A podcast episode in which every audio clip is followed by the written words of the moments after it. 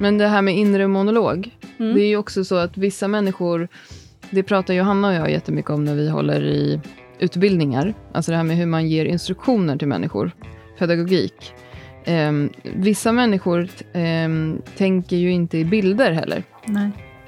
Alltså vissa människor har inte inre monolog och vissa kan inte se bildligt. Alltså, och när man pratar om träning så är det väldigt lätt att man säger så här, tänk att du ska klämma två citroner i armhålorna Ja. för att någon ska liksom spänna. Så här. Och då är det så kul när, eh, då, när jag har jobbat med det i ganska många år och sen lärt mig att så här, vissa människor ser inte framför sig vad jag säger då. Nej. De måste ju tycka att det låter helt sjukt.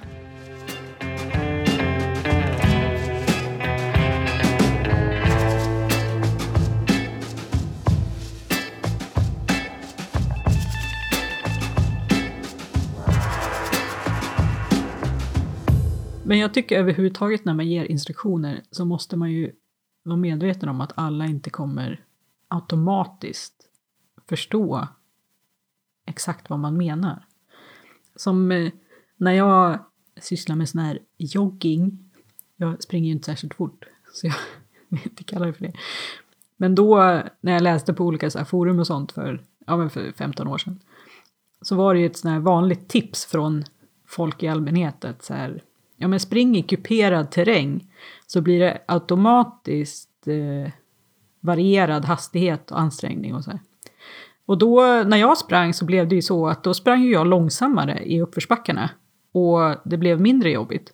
Och sen så i någon diskussion efter ett tag så förstod jag att eh, framförallt de här medelålders männen som skrev det här tipset, de skrev ju då så här att ja men man tar ju i i uppförsbackarna och springer snabbare då. Och jag bara nej. Så, det, jag tror nog, det gör inte jag alls. Så att den här naturliga intervall, intervallerna som ni tänker, det händer ju inte för mig. För jag har säkert en ganska jämn puls. För att jag tar inte i mer i uppförsbacken utan jag saktar snarare ner. Eh, Det var nog skonsamt och bra ändå. Ja, det, jag tror det, det gjorde väl inte så, eller det var väl inte så himla dåligt så, men jag bara, då tänkte jag på det här att den här instruktionen om att det blir naturliga intervaller om man springer i kuperad terräng, den var ju helt meningslös för mig. För jag fattade ju inte, jag tog ju inte till mig det liksom, jag, utan vidare instruktioner eller mer information så ledde ju den absolut inte till det som de tänkte att det skulle Nej. ge liksom. Ja, men så är det ju verkligen. Alltså, folk tar till sig eller tolkar information på olika sätt. Och det är det som är också eh, en stor kritik mot eh, undervisningen i skolan och sådär. Traditionellt. Alltså just att undervisningen är på ett sätt. Och till exempel när det gäller matematik så har man sett att det här med att man får hem matteboken och så ska man räkna tal. Alltså till exempel, nu pratar jag om barn. Ja. Och så ska man lämna in det på måndag. Det är eh, enligt forskning det sämsta sättet att lära sig matematik. Eh, det som de flesta kan ta till sig, det är eh, gruppexperiment, där man får använda saker eller liksom att man lägger ut fyra olika föremål och så pratar man om dem och så gör man någonting av det. Men den typen av undervisning sker i princip inte i skolan. Men ändå så ser skolundervisningen likadan ut. Och det tror jag personligen också har varit en anledning att matte har också alltid känt för mig så här, jag ska bara göra de här talen, men jag fattar inte egentligen. Och så lämnar jag in dem. Mm. Ja men det måste väl ha, det känns som det har lite grann att göra med det där med att se bilder också. Mm. Liksom att de här siffrorna representerar, ja. Kanske en annan slags bilder kanske. Ja, ja. Men det är också, jag är också så fascinerad av att om jag till exempel, vi som då har varit i den här träningsprogrammet, om jag visar en knäböj Mm. och så ska folk eh, replikera det, alltså göra om det, och så gör de någonting helt annat. Ja, det är ju jättespännande. Alltså, och, och det är det som är så kul då, att efter att ha jobbat med det i typ tio år, att det ändå tar ganska, tyvärr förlåt alla, lång tid att förstå att där, det här sättet kan vara helt värdelöst för många, det här sättet kan vara helt värdelöst för många. Mm. Och det- för vissa så är det bästa sättet att stå bredvid dem och sen fysiskt ta handen på ryggen och säga här, liksom. Mm. Att då Ja. kanske man förstår. Men just det där, jag var en gång på en tyngdlyftningsutbildning, en heldagsutbildning med två tyngdlyftare. Och då var Eh, och då tyckte till och med jag att det var helt värdelöst. Då var själva första delen, som tog jättelång tid, det var att de som höll i den skulle bygga upp till sitt max i, i då ryck eh, och stöt. Och så skulle vi sitta och titta på. Och så skulle vi då så förstå, men jag såg ju ingen skillnad på när det var så 70% av max och 95% av max. Alltså då skulle vi liksom så här, aha, men det är ju, alltså det, jag kan inte applicera det. Jag satt och tittade på en film på Youtube här om veckan om bänkpress i 34 minuter som handlade om... Du är den, så störd! de handlade om den yttre cirkeln och den inre cirkeln. Det yttre hjulet och det inre hjulet i kroppen på bänken. Ja, ja. Ni ser ut som att ni verkligen hänger med. Eh, och, så, och jag var så här, jag fattar, jag fattar. Och det handlar om att så här, skulderbladen ska liksom närma sig ja, rumpan. Precis. Och sen att tänka att från nacken och sen bröst, rygg, höfter, ben, fötter ska liksom vara som ett hjul. Jag gick till gymmet, jag tänkte på allt det här så jäkla mycket. Jag filmade mig själv, tittade på filmen och bara, jag ser ingenting. jag kände ingenting heller. Det är så jäkla roligt. Och det är också så nyttigt också, framförallt just när man håller mycket utbildningar. Så att, eh, så att, det, under de här åren har jag och Johanna gått från att så här, prata jättemycket, säga jättemycket och testa det här och tänk på det här, till att idag säger vi extremt lite och vi visar själva i princip inte ett enda lyft. Utan snarare att kanske hitta så här, för den här personen att så här, testa att trycka ner nacken mer i bänken. Och så hur känns det? Ja, men det känns så här. Så här Okej. Okay. Men det finns ju någonting som ni har sagt som jag aldrig har förstått. Det är, mm. ja, men det är mer att jag inte har förstått vad ni har sagt. Det är så här. Dra, dra ihop bh-fettet eller... Va? Men, eller bh... Ja, men sen jag tänkte att ni kanske menar som att man skulle knäppa upp bh-spännet. Att det är något som Men ska... det där känner inte jag igen alls. Jag brukar säga att, att bänk, i bänken att stången ska gå ungefär till sporttoppskanten. Ja, nej, men, men det här är på baksidan när man skulle dra ihop skulderbladen som om man skulle så här, knäppa... Jag vet inte. Äh, knipa, ja, knipa, knipa ihop, eh, hålla ihop en penna med, mellan skulderbladen brukar jag säga. Alltså, det är kanske inte ni som har sagt det, men jag har liksom aldrig sagt, vad är det bh-spännet man ska knäppa upp eller är det något fett? Ni... Ja. Men det där är också så roligt för det blir så här vandringssägner, för jag har också sett i vår Facebookgrupp var det en gång någon som har skrivit att jag hade sagt att man skulle Oh, jag skäms när jag säger det. Jag har inte sagt det här, bara så att ni vet. eh, I en höftfällning, skillnaden mellan en höftfällning och en knäböjning är ju att i en knäböjning så sätter man sig på huk och en höftfällning så skjuter man höften bakåt. Mm. Och då ja. att jag skulle ha sagt, tänk som att du skulle bajsa på väggen. Nej. Jag har inte sagt det. Nej, det låter faktiskt alltså... inte alls som att du skulle ha sagt det. Nej. Och så jävla ofräscht också. ja. Varför skulle man tänka så? Eller jag vet, ja, nej. Jag har aldrig bajsat på någon vägg. Men eh, en sak som, eh, ja, apropå lära ut och sådär, mm. så en sak är ju att när man kan någonting så är det ju väldigt eh, lätt att glömma bort hur det är att inte kunna det. Att, för att oftast har det ju ändå krävt ganska, eller liksom, antingen så har det krävt övning eller så bara att man eh, ja visst det händer ju att man bara kan saker rent praktiskt och sådär. Men, eh, och även om det är teoretiskt så är det ju att man, har ju, man lär sig ju saker hela tiden. Och då glömmer liksom allt det där som man började med att lära sig, det blir ju mer och mer självklart. Och så, här, så. Och jag kommer ihåg när jag läste eh, civilingenjör i Lund så var det en kille som gick året över mig och som, ja men då kom det så här gymnasieelever och skulle kolla liksom på hur det var att gå den här utbildningen, om de skulle söka dit. Och då så skulle han stå och prata inför dem och berätta om sitt exjobb. Och då hade han börjat så här och liksom förklara och han tyckte att han höll en väldigt basic nivå. Och så efter typ tio minuter så hade han vänt sig om och sett att ingen av dem fattade någonting mm. av vad han sa. Eh, och han tyckte ju verkligen att, så här, att han hade förklarat det enkelt. Och han eh, fattade, ja just det, så här, ja, jag har nog glömt bort lite hur det var innan jag började läsa kemi på universitetet. Hur mycket man faktiskt har lärt sig. Och det där tycker jag också men till exempel, framförallt om man pratar om kost och träning med folk i allmänhet. Att eh, de har ju inte lika mycket erfarenhet och kunskap som en själv om det. Och då ibland får jag försöka komma ihåg det. Mm. Ja, men det är det som ibland känns med hela det här communityt som finns kring eh, vetenskap och, och kopplat till kost och träning, att det känns väldigt preaching for the choir. Alltså att Ja. de som följer och är intresserade av skepticism och så vidare, det är, det är, en viss, det är ett visst gäng. Och just att det kan bli... Eh, eh, jag vet inte, jag tror att jag bara sa det till dig häromdagen, Caroline. Eh, jag, jag, sa ju, frågade, jag sa ju till dig, för, och det är till en annan podd som, Som som, jag, som jag är programledare för, som handlar om forskning kopplat till hälsa och vård. Och då skulle Caroline berätta någonting, och så sa du randomiserad flera gånger. Och så sa jag, vad är randomiserad? Bara, alltså, det är viktigt att säga det, för det kan ju också...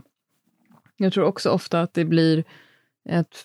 Det går så lång tid som man inte vågar fråga. Eh, Nej, men precis. och det brukar jag säga också på workshops om träning, jag sa det i helgen också. Det finns inga dumma frågor. Fr- Alltså, fråga vad skivstången väger. Det är inte dumt. Ehm, det finns alltid någon som undrar samma sak om man säger det. är alltid skönt om någon ställer en sån fråga. Och det, kan, det är alltid intressant att höra en person som kan väldigt mycket förklara någonting som för den egentligen är väldigt självklart. Ja, och sen är det ju så här med kunskap, om man liksom tittar på ja, teori om kunskap och sådär. Att det är ju liksom som en spiral där man liksom, ja men först lär man sig helheten och när man väl har förstått helheten kan man förstå detaljer bättre. Och sen då när man förstår detaljerna bättre, då kan man förstå fler delar av helheten. Och när man förstår mer om helheten kan man förstå ytterligare lite mer detaljer. Så det blir ju liksom som en spiral eller vad man ska säga. Att det att man kan liksom inte bara lära sig massa detaljer och sen, eller bara lära sig helheten, utan att det här är liksom ett pågående jämvikt, eller man ska säga, att man får lära sig olika delar, eller så här, fokusera lite på olika delar hela tiden. Men det som du sa nu, det är ju kul. Det är ju det som gör att det är roligt. Det är det som gör att jag Mm. fortfarande tycker att det är roligt att lära ut knäböj efter ett antal år. Precis som du säger, för att jag utvecklas också i att jag ser helheten på ett annorlunda sätt hela tiden. Ja, och att man lär sig nya detaljer om att jaha, den här personen uppfattar det jag säger så här, eller de eh, Mm. gör knäböj på det här sättet. Eller den här instruktionen hade funkat här och sådär. Ja, men för en period hade jag när jag jobbade, innan nu har jag slutat jobba som personlig tränare. Och ett tag så kände jag där att så här, jag utvecklas inte längre. Jag måste ha nya utmaningar. Och då tog jag mig bara an så här, superavancerade liksom, kundutmaningar som handlade om så här, folk utan lemmar. Eh, jag hade en utan impulskontroll, som så här, till exempel om jag kastade en boll till henne så kunde hon kasta bollen åt andra hållet, fast hon, skulle, hon visste att hon skulle kasta den till mig. Alltså, så här, jag försökte verkligen hitta, så här, när kan jag utmanas?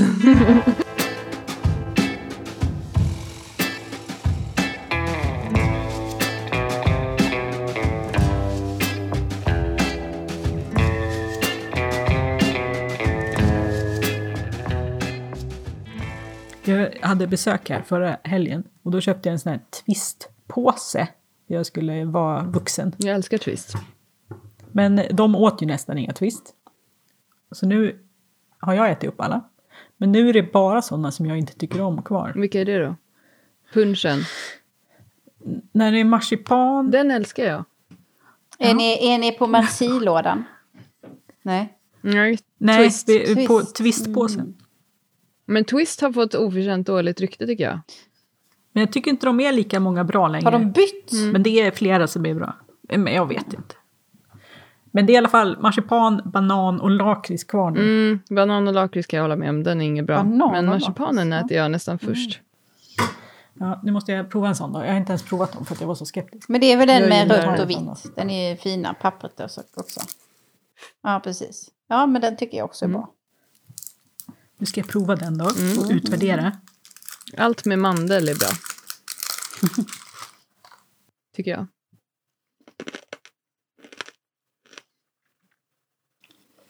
Mm, den får godkänt. Vad bra, nu har jag två till. Åh, men vi, vi hade ju tänkt prata om hemligheter idag. Så, så det har Mm. jag faktiskt tänkt ganska mycket på. Ja, vad kul. vad det var ju jag som kom på Ja. det. Ska jag berätta hur jag Ja. kom på det? Det var nämligen så att jag är med i, jag är ju en sån som är med i Facebookgrupper som jag aldrig skriver något i, men jag sitter och lurkar och skärmdumpar saker. Hemsk människa är jag. Jag gör också så. Och då var det en sån Facebookgrupp där det var en tjej som hade skrivit en tråd om att hon hade fått veta att hennes man hade en andra familj. Fan. Eh, Mm. Och som han hade haft i fyra år. Oj. Hon hade hittat på en blogg hans flickväns och hans husprojekt. Där de håller på att bygga hus. Förlåt. Ja, jag vet. Och då skrev hon typ så är det någon annan som har samma liknande erfarenheter som jag kan prata med. Och då var Vad är det för många... Grupp. Det var så... Honey and the Bees. Sveriges största Facebookgrupp för tjejer. Den är jättespännande, för det är, väl, det är den typen av tjejer som jag aldrig skulle komma i kontakt med annars. Eh, men eh, det är väldigt, de har en GIF som är kasta han. Där de, som de alltid skriver när det är någon som skriver en råd om deras kille. Som är en, en GIF där det är någon som slänger en kille i en soptunna. Eh, men vad heter det? det? Det var så många i alla fall som skrev i den tråden som hade liknande erfarenheter. Det var inte bara att deras kille hade då haft en annan relation och sådär, utan det var också så här, min, jag fick veta att min pappa hade så här, fru och barn i en annan. Alltså det var så märkligt. Och hon som hade skrivit tråden, hennes, den här snubben då, de hade, hon och han hade köpt någon sommarstuga som han då Mm. alltid var ute inom citationstecken och jobbade på och då behövde sova över i. Och, det, och då tänker jag så här, den typen av hemlighet är ju verkligen, det är ju en av de största. Men det som slog mig också, så här, hur orkar man? Hur orkar man ens... Leva dubbellivet, ja. Ah, Men jag, jag var ju, eh, ja, har ju en erfarenhet där jag var involverad med en kille som visade sig vara involverad med ja, massa andra tjejer. Och han hade ju, jag, vi var ju aldrig ihop så, men vi träffades några gånger. Eh, och jag trodde ju att han bara träffade mig. Och sen efteråt fick jag ju träffa, veta att han har träffat, ja, jag vet inte hur många som helst.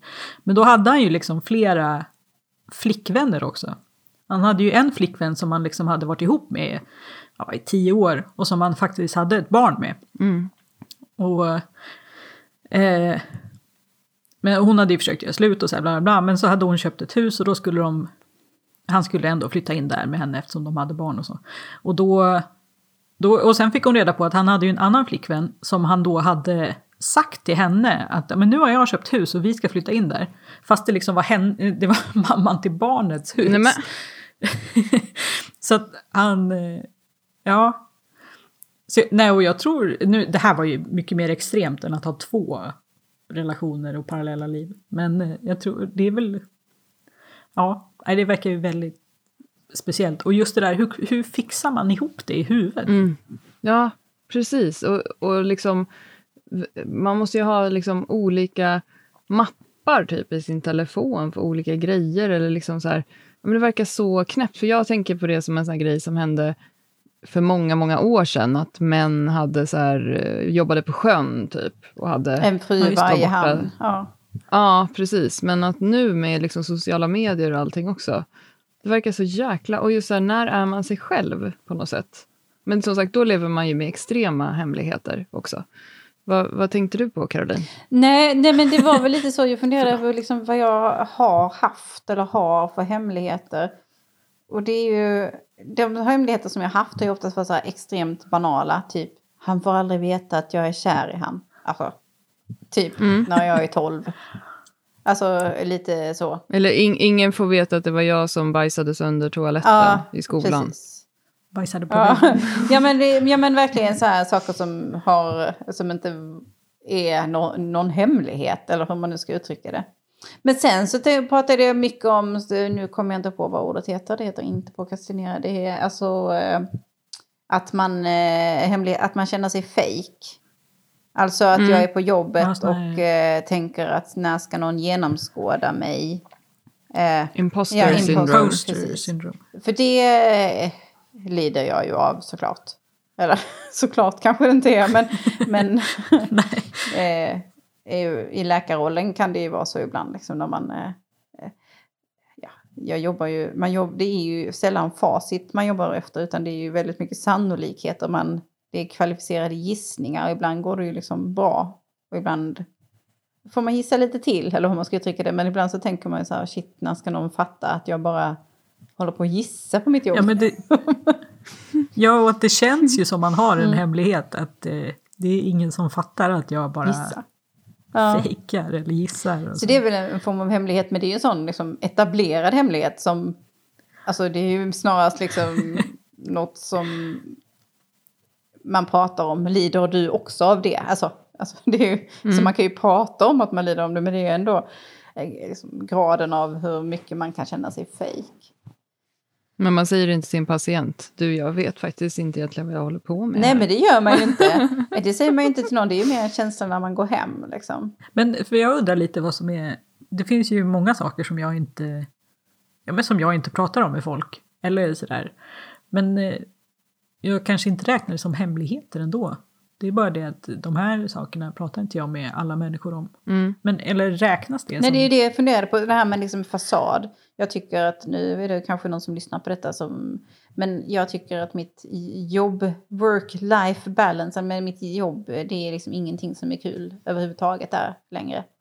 Eh, det är, och, men jag håller, försöker ju ändå hålla upp någon slags fasad om att, att vi är på väg någonstans och att det kommer att rätta till sig och att det kommer att bli bra. Fast jag känner ju inte så heller. Alltså, Det är ju för att Ja. du är chef också, du, känner, du tar ju ansvar. Mm. Det är ju egentligen inte att ha hemlighet, det är ju liksom att ta ansvar för gruppens välmående kanske på något sätt. Man bara känner att Ja, allt sen- kommer gå åt helvete. Man bara heja oss, vad roligt detta ska bli. Ah, ah, jag dör. Mm.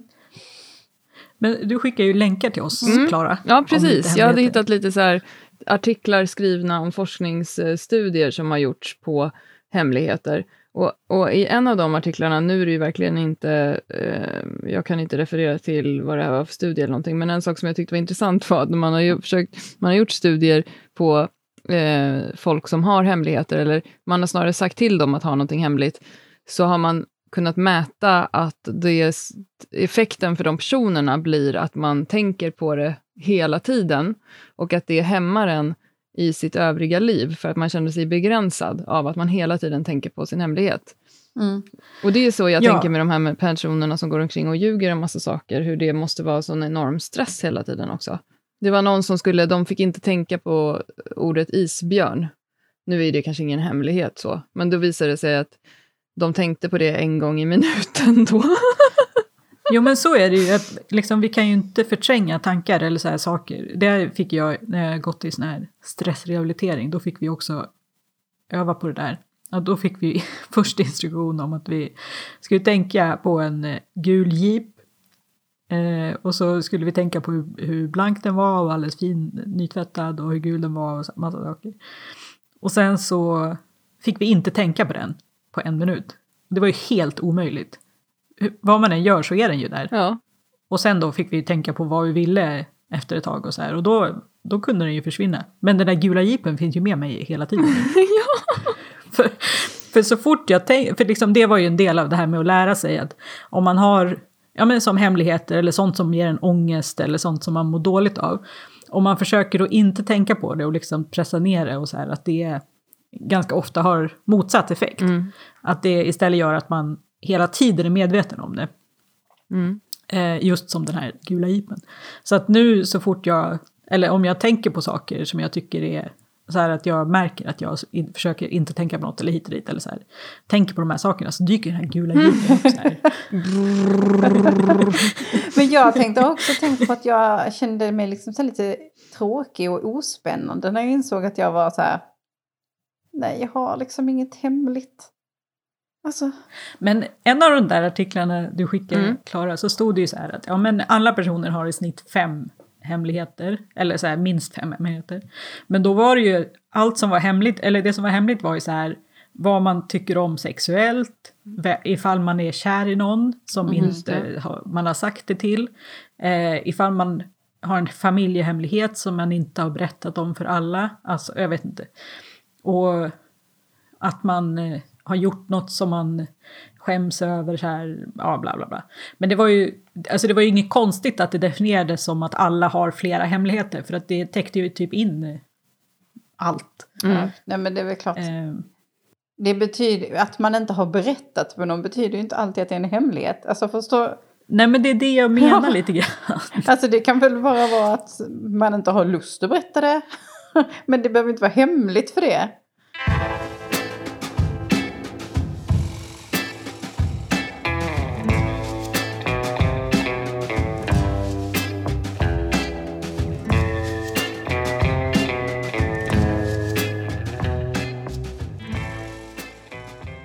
Det är tråkigt med sådana saker som blir extremt stigmatiserande för en själv. Jag, Jag hade en episod när jag var 16-17, när jag rökte gräs och fick, eh, nu i efterhand kan jag tro, alltså det, jag vet inte om det blev som en liksom haschpsykos eller vad det var, men jag mådde skitdåligt eh, av det. Och det som hände var att jag eh, fick sådana tankar som, säger jag det här nu eller tänker jag det här nu?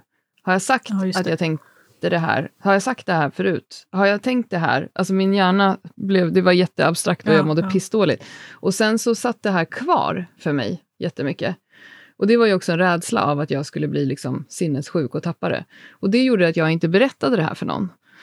Så, så, men ibland kunde det vara så, det kan ju vara så i vanliga sammanhang, att jag satt på någon lektion i skolan eller vad som helst och så, så säger jag typ, igår åt jag äpplen och då kanske någon sa, du har redan, det, ja du berättade det förut. Då fick jag så här riktig liksom, ångest så att jag blev tvungen att jag, jag minns så många gånger under den här liksom, åren att jag gick ut så här på toaletten och stod och tittade mig i, i spegeln och bara, är jag med nu eller är jag galen? Ja. Ja. Och sen och i efterhand, så det här var en sån grej som jag då i många, många, många år inte sa någonting till någon om. För att jag trodde att jag var galen. Liksom. Eh, och hur dumt det var. Alltså, och hur stor grej. Och att antagligen just vilken stor... Att just att det blev som den här äh, gula jeepen. Mm. Att det var där hela tiden för att jag inte berättade för någon. Och det är så som är så dumt med hemliga saker.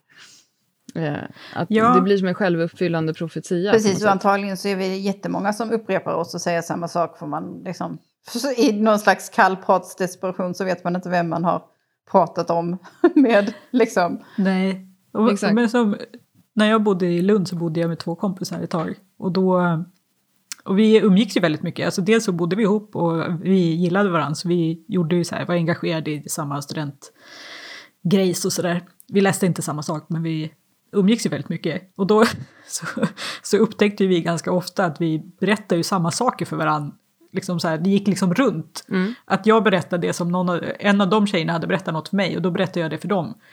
Eller att vi berättar, eh, att man berättar sina egna så här, historier om och om igen för varandra. Så att man upprepar sig ju hela tiden liksom. Mm. Men, eh, Men precis, när man då börjar Ja. tänka på det som Klara så blir det liksom, då blir varje sån grej en grej. Det är ju ungefär som Ja. att vi pratar om Manchester och sen plötsligt bara ser vi det överallt. ja. Därför att man blir uppmärksammad på det. ja, men en sak som jag tänkte på när vi sa att vi skulle prata om hemligheter är ju att eh, jag har ju varit, jag har haft depressioner sedan 2005. Eh, som har varit då diagnostiserade som jag vet om och så här. Och varit med vården och så. Men jag har alltid varit ganska öppen om det. Eh, alltså det är inte så att jag nödvändigtvis säger det det första jag gör.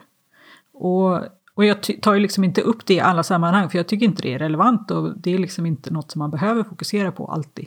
Som när vi hade tyngre rubriker så pratade jag ju inte, det var ju inte det liksom, tog jag inte upp det för jag tycker liksom inte att det var relevant i det Vi sammanhanget. presenterade oss inte överhuvudtaget. Nej, vi hade ju så lite small talk som möjligt. Och jag, men jag tycker ändå att liksom det, det är inte något som definierar mig. Eller så här, det är klart att det definierar mig, men, eh, men det har jag fått höra från många, framförallt eh, eh, på arbetsplatser och där jag har varit arbetstränat och sådär. För där brukar jag också vara ganska öppen med det. Liksom. Ehm, och då har jag fått höra av många att de tycker att det är bra att jag är öppen med det och bra att jag eh, är tydlig och säger så här att eh, ja, pratar om det och liksom inte att jag inte liksom ja, att jag inte håller det hemligt. Mm. Och, och att folk tycker blir att det känns eh, oväntat för att det är Ja, så det, få verkar som som gör en del så. i alla fall. Det verkar som en del i alla fall tycker att det inte är helt eh, vanligt eller att de så. Mm. Och så att de känner att de behöver, eller att de vill påpeka att de tycker att det är bra. Men hur, eh, alltså de säger, bemöts du ofta positivt då när du berättar det? Ja, Det är bra. jag, det är bara en chef, tror jag, eller det är nå- några sådär gånger. Mm. Men det var en chef som sa att han inte tyckte att jag skulle berätta det. Mhm. På, eh, och jag tyckte ju att han var dum i huvudet. Mm. Så jag lyssnade inte på honom. Men jag kommer ihåg att jag tyckte att det här var jättekonstigt sagt av honom. Mm. Eh, det säger mycket om honom på något sätt, vad, vad, hur han ser på det. Ja, jag känner igen mig i det där jättemycket. Jag upplever mig själv som väldigt oversharing eh, på ett sätt. Men, och även nu är inte det här någon hemlighet för dig, precis det du berättar, men just att jag kan känna att ibland när jag har gått igenom någonting som jag har känt att det här var en jättejobbig period för mig, eh, till exempel en period 2019 när jag mådde väldigt dåligt eh, och eh, behövde hjälp och sådär. Och då blir det som att jag måste säga det hela tiden till jättemånga människor. så här har jag känt. Ja. Eh, och det kan, ibland kan jag få lite ångest över att jag är så, men samtidigt tänker jag att eh, det är ju, eh, jag är ju mycket hellre så än att jag bygger upp någon sån här, som jag då gjorde i tonåren, med gräset. Ja, ja. Superskunk! Men sen, sen, jag tycker att jag inte brukar Alltså jag tycker inte jag brukar liksom ta ut de här sakerna och ta upp det så mycket hur jag mår och sådär. Det är mest att jag berättar att nej, men jag har varit sjukskriven och jag har haft de här problemen. Mm. Ifall, liksom, om någon frågar. Om någon frågar eller om, ja. Eh, och jag brukar försöka svara och prata om det liksom. För att det är ju någonting som jag har, tycker att jag har varit, haft väldigt mycket hjälp av. Att, för i början, innan jag ens fattade vad som hände med mig, första gången jag drabbades av en allvarlig depression så fattade inte jag överhuvudtaget vad som hände liksom. Um, och jag tycker att jag har haft väldigt stor hjälp av att läsa andras berättelser. Mm. Hur de har förstått vad de drabbas av och liksom att de berättar hur det drabbar dem i vardagen och hur, hur, liksom, hur det här funkar för dem. För att via media och tv, eller så här, då kan man ju få en ganska förenklad bild av, av alla möjliga sjukdomar eller alla möjliga saker. Liksom, hur det, ja, men alla som är deprimerade är så här, eller alla som har cancer blir så här. Mm. Och sen så kanske det inte alls är så. Mm. Nej, men just jag, att det kan bli så stigmatiserat också, att i en drömvärld så skulle vi ju leva helt öppet med alla olika typer av eh, jobbiga perioder vi går igenom. Därför att det ja. finns ingen människa som inte gör det någon gång. Eller har mörka Nej, att tankar. det borde vara lite mer okej. Ja, att det, alltså att det inte skulle vara så stigmatiserat. Alltså jag tänker, eh, finns det något mer stigmatiserat än psykossjukdom egentligen? Eh, ingen vill ha den, ingen, alltså men det drabbar väldigt många. Mm, nu ringer eh. de igen, förlåt. Jag, men det är bra att du, fortsätta. Gör, du är i samhällets tjänst. Ja. Det känns bra, ja. tycker jag. Nej, men det, det, tänk, tänk Caroline om... har jättemånga hemligheter. Hon har ju alla sina patienters hemligheter. Ja, jag vet. Tänk, tänk allt man kan gräva fram där. Men, nej, men tänk, tänk om man kunde prata mer öppet om, om till exempel sådana saker som... Alltså jag tror ju att det hjälper väldigt mycket. Jag tror att det hjälper jättemycket om, om fler förstår hur många som är deprimerade och så vidare. Det är, som sagt, det här med hemligheter, en stor del av, av varför folk mår kass är för att de går och bär på saker inne i sig. Ja, för jag tror ju att jag hade tyckt det var... Eller för liksom, jag har aldrig riktigt skämts över att jag har haft depression eller utmattning och sådär. För att jag...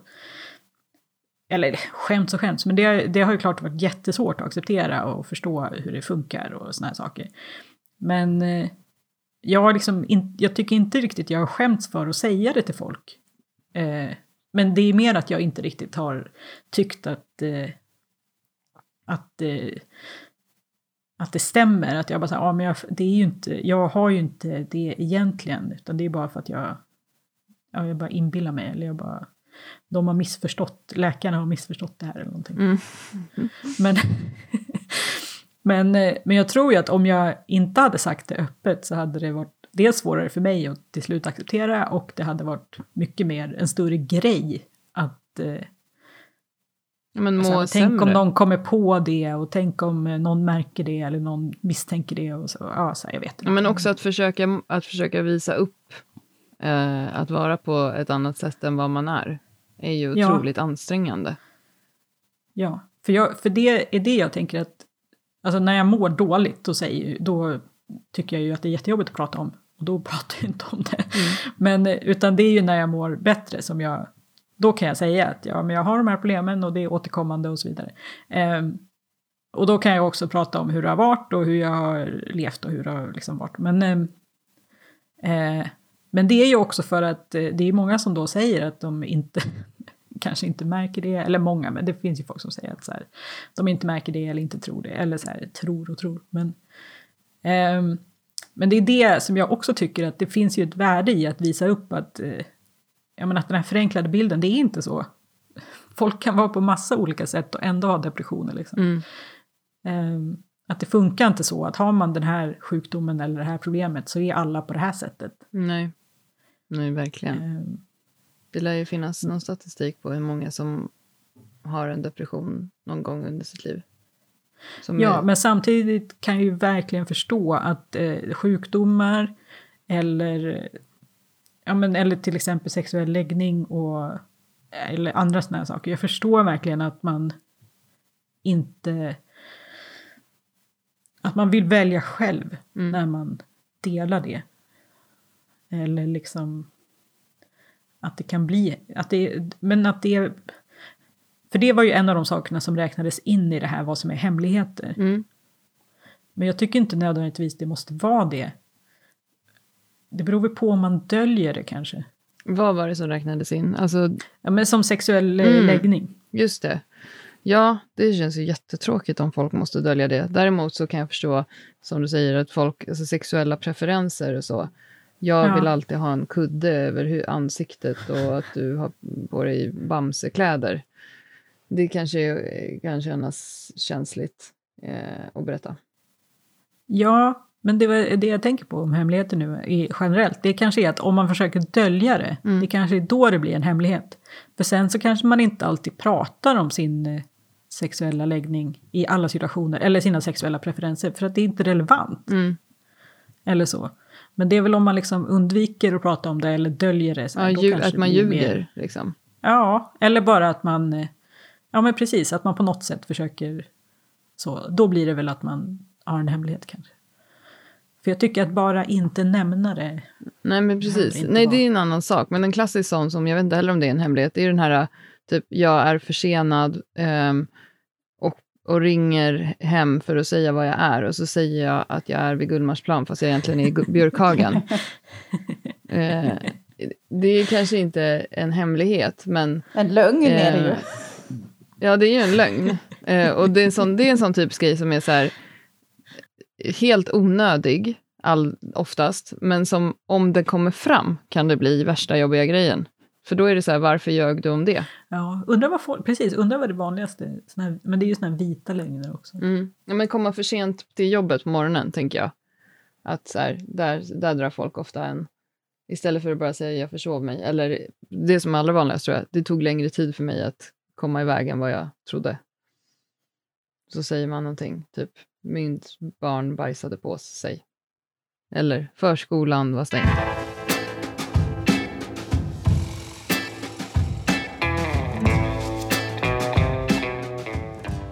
Men jag vet inte vad ni, vad ni pratade om nu eftersom jag då är i tjänst. Eh, eh, Vi vill ju veta vad du pratade om, är det hemligt eller? nej, nej, men jag är... Alltså, när det är slut med platser, vi har inga platser på sjukhuset just nu. Vi har ingen bemanning så vi kan inte hålla vårdplatser öppna. Vilket innebär att när patienterna kommer till akuten så har vi ingenstans att flytta dem utan då blir de kvar på akuten. Eh, och då kan jag eh, i vissa fall då beordra in ny personal som kan bemanna upp och fylla på nya platser. Men nu har jag redan gjort det så långt jag kan i Ängelholm. Jag kan inte öppna fler och vi har inte alltså fler sängar eller hur man ska uttrycka det. Det kommer inte hjälpa att ta in mer personal. Eh, Det är klart att det skulle hjälpa att ta in mer personal men jag har ingen mer personal att ta in. Eh, Mm. Så, men grejen är att det här är ett samarbete då med eh, ett annat Helsingborg. Jag är för Ängelholm så då ringer de från Helsingborg och säger att men ni måste, ni måste ta några fler patienter. Eh, och så säger jag ja, men det, tyvärr så går det inte. Vil- Vilket är ju fruktansvärt. Vi kan inte ha 70 patienter på en akutmottagning som inte kommer någon annanstans. Det är Nej. klart att jag vill få in dem. Det handlar inte om, det inte, handlar inte om att skydda mig själv. Men jag kan ju inte heller ta in Nej. ett gäng patienter och så finns det ingen personal. Det, då, det är ju... Vem? Var får de åka då? då? Nej, de får inte åka någonstans. Det är ju det som är problemet. De blir kvar på akuten, så den stackars personalen som är på akuten måste då vårda både de som egentligen borde vara någon annanstans plus de nya patienterna som kommer in. Mm. Men det måste ju ta slut på akuten också. Ja, kan man, alltså, jag menar, skickar man inte dem då till så här, nej men ni får åka till Lund liksom? Jo, man kan omdirigera ambulanser och så. Mm. Tar du en be-real nu, Jenny? Fick ni också? Ja. det har jag redan gjort. Eller? Gud vad du var smart bra då. Fick vi inte samma tid? Jag hade tittat på telefonen. Nej. Det var ganska, det var i början. Ja, ni, ni pratade innan i alla fall om det här att, eh, ja men du sa att du var oversharing Klara och jag vet, eh, Jenny du sa att du också pratade om. Ja, jag, jag ja men med er, det, men jag tycker att det är ganska jobbigt att prata om mitt eget, mina egen navelskådning eller vad man ska säga. Därför jag upplever att om jag delar med mig så måste jag sen ta hand om den andras reaktion. Alltså ja. förstår ni vad jag försöker säga? Så, ja. så om jag nu så vill gå till eh, någon överordnad och säga att det, det här funkar inte, det här är för jävligt för mitt jobb. Så säger de typ så här, ja men hur ska vi hjälpa dig eller hur ska vi göra eller ja, men det här låter inte bra. Då säger jag så här, nej nej men det är lugnt, det är lugnt. För då, jag blir liksom, jag klarar liksom inte av att ta emot det, deras eventuella oro eller frustration eller eh, vad det nu kan tänkas vara. Eller vad som... Ja, och då, håller man, då säger nej. man ingenting. Och då blir det ju som en hemlighet. Ja, det, det blir det väl. Eh, och liksom, eller om man träffar någon på ICA Maxi liksom, som har fått veta att man har separerat. Alltså jag kan liksom inte, då måste jag, då känner jag liksom direkt att jag måste gå in och säga Ja, ja, nej men det är lugnt, det är lugnt, det är ingen fara. Det, ja, det var typ kul. Eller alltså, det var bara roligt. Ja, men precis. nej men jag, jag, jag kan liksom inte Nej men det där tycker jag också, för till exempel, jag pratade ju en del om det här med depressioner hit och dit. Men eh, en sak som jag tycker precis, när jag, eftersom jag ofta har delat det och pratat om det med folk om de frågar eller så. Det är ju just att eh, då kan jag känna ett jättestort eh, ansvar att säga bara, men nej, nej, det är inte så farligt och jag mår ju mycket bättre nu. Och, eh, alltså att jag ska liksom, jag tar på mig ansvaret för att de inte ska vara mm. oroliga. Mm. Eh, ja, precis som mm. du säger Caroline, att då blir det så här att man liksom... Det handlar inte om en själv och att man mår dåligt eller vad det nu är. Att någonting har varit jobbigt för en själv, utan då blir det mer att man så här ska... Lägga över det. Eller att man ska liksom lyfta över, den andra ska inte må dåligt över det där. Mm. Så. så. Um. Var och en får skämmas för sig själv, som en gammal kompis till mig och Caroline ja. brukar säga. Ja, och det, det har jag, väl, jag har ju väldigt lätt att eh, eh, känna och skämmas åt andra. Alltså att jag tar ansvar, tar ansvar för både deras skäms och deras känns och allt vad det nu kan tänkas vara. Liksom. Mm. Du har också väl vaggats in i det under många år som läkare, att du ska ta emot andras, vad som känns för dem, och så lösa det åt dem. Det ingår ju liksom i ditt jobb på något sätt. Ja, jo, men jag kan ju också liksom så när jag tycker folk beter sig otrevligt i kassan på ICA så står jag ju och mår dåligt liksom. Mm. Alltså om de är otrevliga mot kassörskan för att någon rabatt inte går ja. in eller något sånt. Ja, det där så, blir också så mår ju liksom jag fysiskt dåligt. Jag skäms ju så mycket åt deras vägnar liksom. Och också mm, ja. gärna att jag tar på mig liksom känslorna som kassörskan har. Så jag mår dåligt för hennes skull och skäms för den andra skull och typ är helt slut ja, när jag, jag går ut från butiken. Och så blir jag ja. arg och så blir jag arg på mig själv för att jag inte säger mm. något. Och så, och så bara går det runt. Ja, det är inte bra. Det är bra med terapi. Ja. Att man får ösa. Men när jag gick i terapi första gången så tror jag att det tog typ ett halvår innan jag slutade be om ursäkt för att så här, och stackars dig som får sitta och lyssna på det här. Jag brukar fråga, nu, de flesta terapeuter eller så här, psykologer de brukar ju också fråga hur man tycker att dagens session var. Så där. Då brukar jag fråga, ja vad tycker du? Eller så här, att jag svarar först då vad jag tyckte och så tyckte jag, men är du ja. ja. Det är ju helt sjukt. Ja. Men det är också många människor som inte är så här, som också snarare gärna öser ur sig och liksom vill ha hjälp med sina saker och är på ett visst sätt. Men jag tänker att för dem kan, de kan, är det nog inte lika jobbigt att, att få hjälp. Nej. Eller att ge, det är nog inte lika, eller jag vet inte, de kanske är bättre på att säga nej också om de inte vill hjälpa till. Mm. Ja. Det, de kanske mår bättre när de ska sova på kvällen. Mm. Jag tänker i alla fall att jag hade känt, kanske känt mig lite mer exotisk. Eh, eller hur man ska uttrycka det, om jag hade haft lite fler roliga hemligheter. Vad är Nej, men jag vet hemlighet? inte, jag känner bara att jag är så här... eh, Nej men jag vet inte vad roligt, men jag, bara, jag tänker att jag är så ospännande liksom. Ja. Men jag är jättedålig på, alltså det är till bara om så här, nu skulle det kanske aldrig hända, men om jag skulle typ få något spännande pris eller någonting, Ja. Då skulle jag ha jättesvårt att hålla det hemligt tills det skulle annonsas. ja, just det. Jag skulle 100% råka outa det. jag skulle dåligt, jag skulle inte ha någon exotisk hemlighet på det sättet heller. För, för, det, för ett tag sedan, det var väl kanske någon månad sedan eller någonting, så låg jag i sängen. Och så min kille var här och barnen var ute någonstans och så låg jag i sängen själv.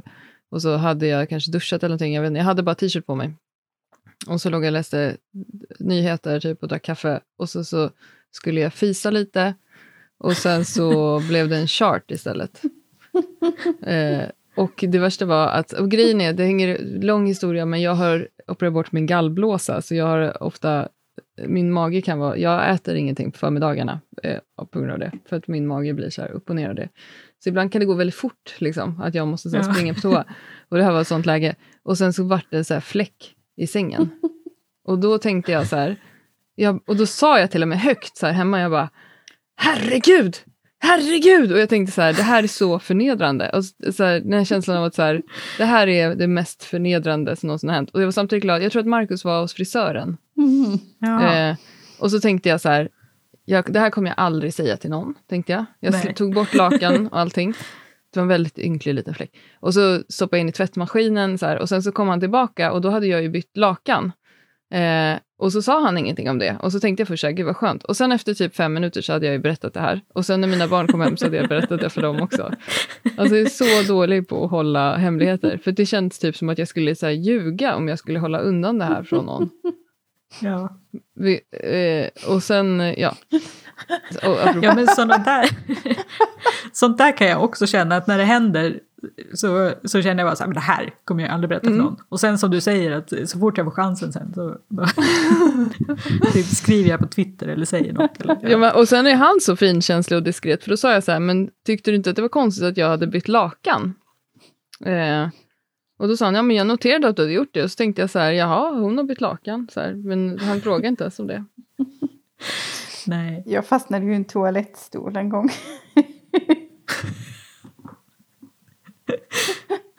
det, var, men det, det roliga var att det var, det var helt, eh, vad ska jag säga, o, eh, snuskigt eller hur man nu ska uttrycka det. Eh, men eh, det- jag var på, det var en spolknapp som gick sönder på en toalett. Och sen alltså man liksom sån här flippknapp, så när jag tryckte på den så fastnade jag med min tumme.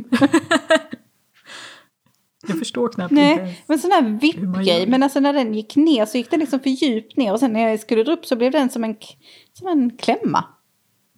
Jag, Ja. Gjorde det Det ont? gjorde skitont. Oh. Eh, och så var det en handikapptoalett. Eh, och jag hade, det var dessutom en himla vintersportdag på universitetet. Så jag hade haft så här galonbyxor och sånt som man har när man pluggar i Umeå. Täckbyxor och dunjacka. Så jag hade hängt upp det på en krok inne på den här handikapptoaletten som är skitstor. Eh, så jag kunde inte nå den och i den var min telefon. Jag kunde inte komma loss. Jag kunde inte göra någonting. Men hade de inte den här, det var en handikapptoalett. Jo, men den hade jag, Ja, den en tryckte jag på, men det var ingen som brydde sig om den. och sen så skämdes jag liksom så himla mycket. Så att jag stod liksom där inne och så sa jag så här. Hjälp! Hallå! Hallå, hjälp! För jag vågade liksom, jag ville liksom inte att någon skulle höra mig för jag tyckte det var så genant. Och du var inlåst Jag var också inlåst och så stod dörren? jag liksom... Ja, men jag stod ju liksom med och tittade på spolknappen. Så, och sen skulle jag försöka vrida mig om. Till slut lyckades jag i alla fall sparka ner min telefon. Och så fick jag tag i min kusins sambo. För ingen svarade heller. För vi, jag, hade, jag var för sen till lektion. För jag satt fast på den här jäkla toaletten. Och vad hände? Vad gjorde, vad, hur kom du loss då? Ja, det var ju Ja, men låst också. Johanna då fick ju springa runt och försöka... Ja, det var låst också. Eh, hitta någon vaktmästare som kunde hjälpa mig. eh, och så sprang hon in på akademibokhandeln så här, min kompis sitter fast i toaletten. och alla hade ju, det var många som kunde tänka i bilder där kan jag säga. Som Mm. tänkte på Jag något trodde helt att rumpan annat. hade Ja, fastnat. de tänkte Ja. på något Och helt sen så till annat. slut så kom det en eh, sån här väk, eh, någon väktmästare som knackade på och så sa han så här. "Ha, kan du skyla dig? så. Ja. Och du hade Ja, kläderna det på blir dig. Så fort man säger att man... Om man sitter fast i en toalett då tror jag det är...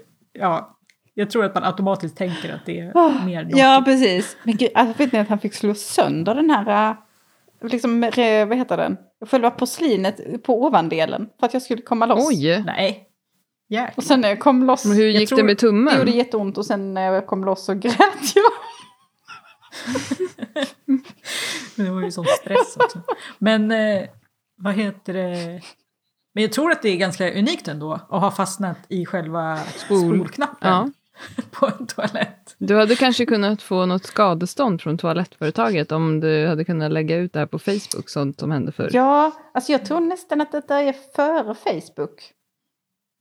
Att det- om det Men du hade ändå mobiltelefon. det. Men ja, det hade man ju ja, kanske. det hade jag. Det var Just så här, Mm. Ja, jag hade eh, mobiltelefon det, redan på gymnasiet faktiskt. Ja, det hade jag Mm. med, kommer jag på nu. Eh, så eh, Du, man skulle vilja se någon sån här kvällstidningsartikel där du står och ser så här arg ut och bara... Karo- Bre- Bredvid den trasiga toalettstolen. Caroline fastnade i bla bla blas toalett. Så här. I, företaget vill inte kompensera. Tummen hade kunnat gå av, citat. ja, det kändes faktiskt Och så en bild på tummen Herregud. Mm. stackars den här Stackars den här vaktmästaren. Och det var lite synd om mig också. Men det har ju blivit en rolig anekdot i efterhand. Men, eh, Ja. Men paniken ändå. ja men det var panik. Jag kommer, ingen brydde ju sig om den där nödsignalsgrejen. Det hade väl inte jag heller gjort. Man tänker väl bara att det är någon som råkar trycka in den. Alltså, Ja, vad går, vad går de signalerna någonstans nästa gång? ja jag vet inte.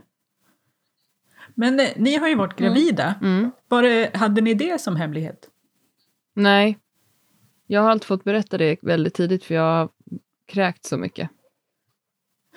Okej. Och så har jag inte kunnat, liksom, alltså för kollegor och sånt, att man måste förklara varför man liksom beter sig jättekonstigt. Ja. Alltså jag minns ju inte ens. Eller ja, det är kanske så att vi höll, vi berättade väl det för våra föräldrar. Inte när vi, samma dag som vi upptäckte det. Men det var inte en hemlighet länge på något sätt. Nej. Eh, alltså, För det tror jag är ganska vanlig. Mm. Och det är ju en, eh, på något sätt en rolig hemlighet. På något sätt. Jag hoppas jag. Men jag har aldrig riktigt förstått heller varför vissa håller det hemligt jättelänge heller. För då tänker jag att det är för att man vill veta att det ska gå bra först. Mm. Men jag tänker Ja, men att om det det hade gått dåligt så hade jag ju månader. berättat det ändå, tror jag. Ja. Men det, för jag, som jag har förstått det så är det väl många som väntar tre månader. Mm. För att risken för missfall minskar precis. ganska mycket där efter vecka 12 eller Jag vad kan säga med covid så har det då räknats som en risk, riskgrupp och de har inte skulle jobba med mis, eh, eventuella covid-patienter.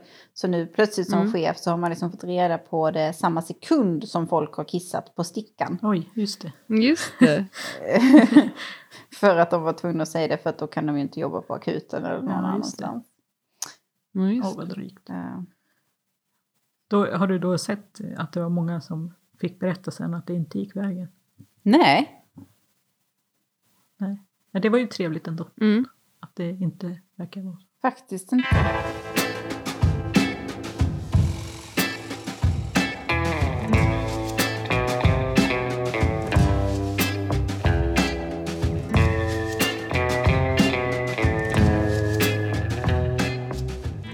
Jag funderar på om man kanske bara kan hitta på någon hemlighet. Alltså, Ja. Man blir mer spännande då. Det är väl som han eh, Joaquin Phoenix också. Han levde ju någon slags dubbelliv med I'm still here hette väl filmen. Ja, just det. Precis. Ja. Mm. Ja, men det var ju en sån... Det, ja, ja, jag älskade den filmen. Alltså filmen, precis, såldes in som att den var sann. Men det var en mockumentär. mm. Ja.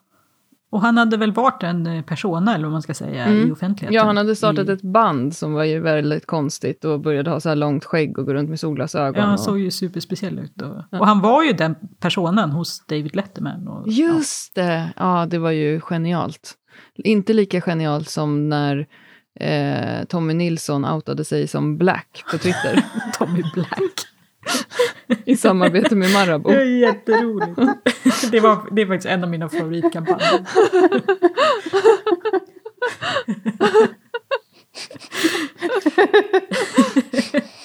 Åh.